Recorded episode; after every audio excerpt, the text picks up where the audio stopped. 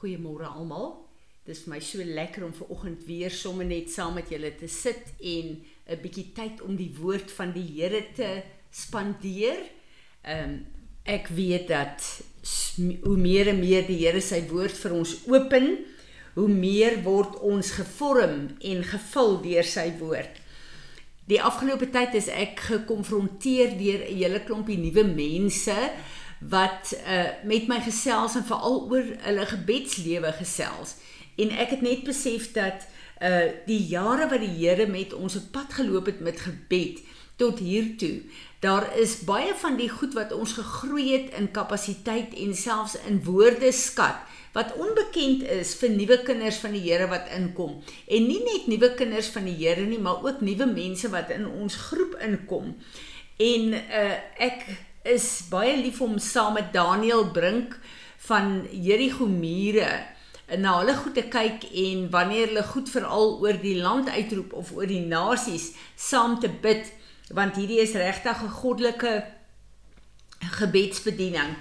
En hy het 'n 'n stukkie uitgestuur die week wat ek op ons groepe vir ons gesit het wat vir my so kosbaar was, so eenvoudig maar so kragtig was dat ek dit uh, vir julle op die groepe gedeel het en ek wil sommer vir oggend net 'n bietjie daarna kyk.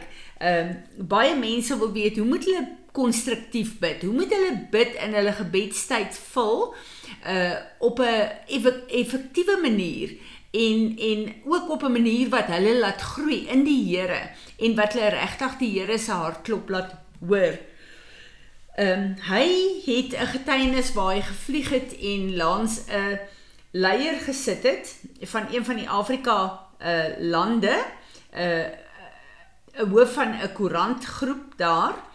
En uh die persoon het toe hy gehoor het Daniel is uh in 'n gebedsbediening vir hom gevra oor gebed. En Daniel het vir 'n oomblik gewonder, wat sê hy vir die man? Hy's al hierdie jare in 'n gebedsbediening, maar wat sê jy vir iemand wat vir jou vra, hoe moet ek bid? En hy het vir hierdie persoon gesê, hy moet net 'n bietjie wag. Uh, hy sal hom nou nou antwoord. Net vir die Here sê Here help my. Wat moet ek vir hierdie persoon sê? En uh, die Here het vir hom hierdie volgende model gegee wat vir my baie baie goed is. Hy het um, prayer die woord gevat en opgedeel in die letters van prayer. En terwyl ek na hierdie goed kyk Uh, besef ek ook terwyl ons 'n gebedsgroep het met die ehm uh, dorpsmense waar een van die persone sê maar hierdie is eintlik ook die model van die onsse Vader gebed wat Jesus die disippels geleer bid het. Nou ons weet die onsse Vader gebed het 'n paar reëls, maar elkeen van daai reëls is eintlik 'n afdeling van goed waaroor ons moet bid en 'n hoofskrif van hoe ons moet bid en wat ons moet bid. So ehm um, uh, uh, ek wil vir julle hierdie model wat hy ehm um, ge uh, neergeskryf het wil ek net kortliks oorgaan want ek dink dit is regtig baie waardevol vir elkeen van ons. P staan vir praise and worship en dan het Jeremia uh um uh, 20 vers 13 gebruik. Ek wil dit vir julle lees. Sing to the Lord, praise the Lord for he has delivered the life of the poor and needy from the hands of evildoers. Dan die bekende Psalm 100 ook waar hy sê enter my gates with thanksgiving and praise. So Praise and worship is om die Here die eer te gee wat hom toekom om regtig sy naam groot te maak. Maar 'n groot ding van praise and worship is danksegging. En uh, vir my is dit baie keer so 'n sleutel as ek sit en uh voel uh ek weet nie regtig waaroor ek vandag wil wil bid nie dan sal ek kom en ek sal vir die Here begin dankie sê vir alles in my lewe, vir hom in my lewe, vir my man, vir my kinders, vir die lieflike huis waarin ek bly. Laat ons voertuie het, laat ek 'n lieflike tuin het, laat ek 'n um, 'n oorvloed van alles het, laat ek sy liefde in my hart uitgestort kan sien en voel verander om net te begin met danksegging saam met hierdie lofprysing bring jou onmiddellik op 'n plek waar jy jouself so humble in die teenwoordigheid van die Here en waar jy onder die bewuswording kom van hierdie groot almagtige heilige God wat jou Vader ook is. En dan die tweede letter R wat hy praat van reflect and repent. Nou Psalm 139 vers 23 gebruik hy daar wat so wonderlike skrif is. Search me thoroughly, O God, and know my heart. Try me and know my thoughts. Dis baie goed om die goed wat ons bewus van is uh voor die Here te bring en vergifnis te vra en sommer net 'n oorsig in ons lewe te hê en in ons dag te hê en te dink wat het gebeur en al die slegte goed voor hom te bring en waar dit nodig is te repent daarvoor. Maar hierdie Psalm 139 is so belangrik want baie van die goed wat ek en jy doen en sê wat verkeerd is teenoor mense en teenoor die Here, is ons baie keer nie eers bewus van nie. Ons het die Heilige Gees nodig om vir ons dit te kom wys. En dan kom hy by A wat adoration and beholding is en daar het hy Psalm 105 gebruik. Vers 4: Seek inquire of the Lord and crave him and his strength, his might, his inflexibility to temptation. Seek and require his face and his presence continually evermore. Net daai bewondering vir ons God, daai waardering vir ons God. Die feit dat ons weet dat hierdie almagtige heilige God ons vashou in ons menswees dat hy empatie het met die feit dat ons uit stof uitgemaak is. Dis so belangrik dat ons hierdie bewondering vir God in ons eie lewe en ons eie gedagte gaan gaan ook gedurig deur uh voor ons hou. En dan kom hy by uh, die why, die A, wat ons persoonlike behoeftes is wat ons elke een elke dag voor die Here bring. En dis Psalm 61 vers 1 tot 3. Hear my cry, O God, listen to my prayer from the end of the earth will I uh, cry to you when my heart is overwhelmed and faint, fainting. Lead me to the rock that is higher than I. Yes, a rock that is too high for me. For you have been a shelter and a refuge for me, a strong tower against the adversary. En hier hoef ek nie eens in te gaan nie. Ons het so baie behoeftes, ons het so baie vrae. Ons het so baie uh, plekke waar ons wil verander so baie plekke waar ons in lyn wil kom met God se planne vir ons lewe. En hierdie is die plek wat jy dan tyd spandeer aan jou behoeftes voor die Here. Nou u gaan uh, staan vir vir 'n uh, eh, evangelisasie en 'n uh, eh, 'n uh, vir redding. En daar het hy Lukas 19 uh, ge, uh vers ehm um, 40 gebruik. Ons ken daai bekende skrif waar hy sê as julle nie praat nie, sal ek die ehm uh, klippe laat uitroep. Nou ons het almal ons sien baie keer evangelisasie as uh, om na 'n land toe te gaan onbekeerde mense van Jesus te vertel. Maar wat van ons eie gesinne en die eie kringe waar die Here ons insit? Ek besef dat as ons getrou is aan evangelisasie deur gebed in ons eie familie, ons eie kringe, en elke persoon is daar effektief en gehoorsaam, gaan daar 'n groot sieleoes in die koninkryk van God inkom. En dan die R staan vir revival. En hier gebruik hy Efesiërs ehm uh ehm uh, uh 5 vers 14. Ehm um, en hy kom en hy sê therefore he says awake o sleeper arise from the dead and Christ shall shine make day dawn upon you and give you light.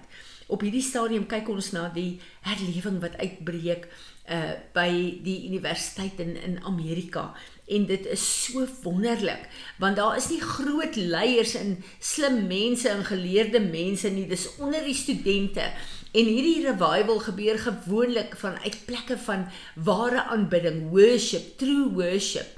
En um, ek moet vir julle sê dat ons het almal herlewing nodig want dit sal al hierdie eie pogings wat ons ehm um, daagliks so hard probeer om goeie kinders van die Here uh, te wees. Dit sal dit letterlik soos 'n golf kom oorspoel en daar sal so teenwoordigheid en uitstorting van Heilige Gees wees dat die wonderwerkende krag op aarde gesien sal word en dat die naam van ons God waaragtig verheerlik sal word in en deur mense.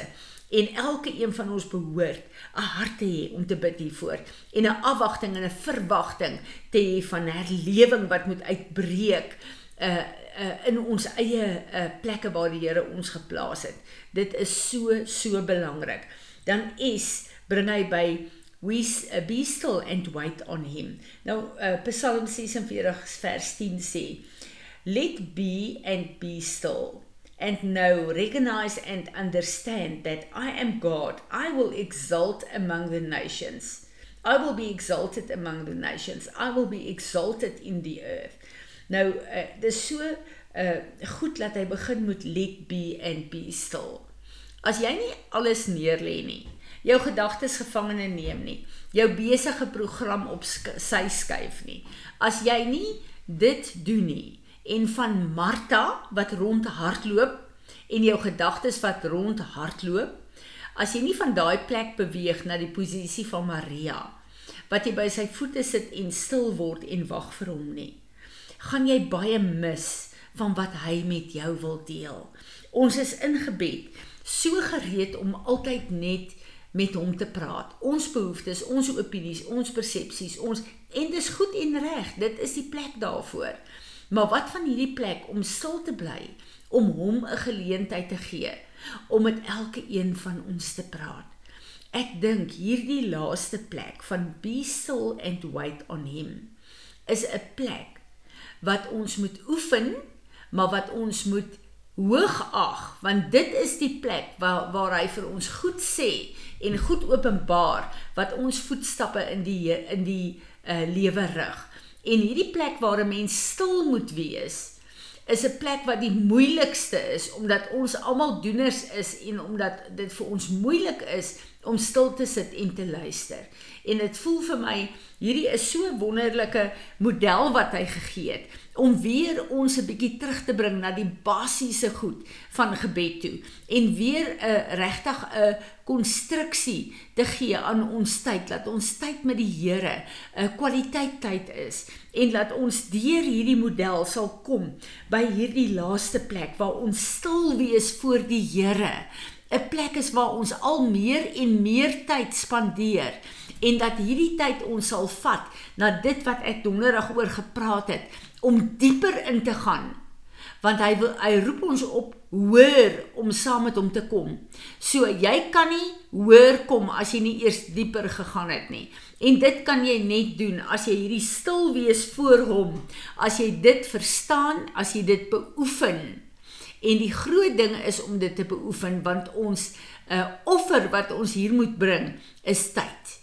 Tyd om hierdie tyd by die Here te spandeer, om hom tyd te gee om ons na die plekke toe te vat fisies en in die gees waar hy ons heen wil vat. Ek vertrou dat die Here elkeen van ons opnuut weer op 'n plek sal bring waar ons passie vir gebed net sal groei en sal toeneem. Vader Here Jesus, Heilige Heilige Gees van God. Dankie vir wie U is. Dankie vir die openbarings wat U vir ons gee. Here Jesus, ons het ehm um, verlede jaar soveel keer vir U gevra, leer ons weer hoe om te bid. En ek besef U is besig om selfs die basiese fondasies wat U vir ons gegee het, 'n nuwe lig op te sit. Ek bid dat U vir ons die passie en die vuur van gebed so sal laat brand in ons lewens, Here, dat ons die intercessors en die bidders op aarde sal wees wat U hart sal aanraak. Here, maar wat U naam sal verheerlik en wat U koninkryk sal laat kom en sal uitbrei hier op aarde. Ek bid dat U verheerlik sal word, Here, en dat U ons kapasiteit om te bid sal vergroot sodat vanaf hierdie aarde 'n wolk van intersessie sal opstyg styg Here wat u kan beantwoord en terug kan stuur om u koninkryk te laat kom op aarde. Here Jesus, dankie dat u ons teruggebring het na ons Vader se huis toe. Word u verheerlik. Word verheerlik. Dankie, dankie Vader dat ons die voorreg het om u Vader te mag noem en tot u te nader in gebed.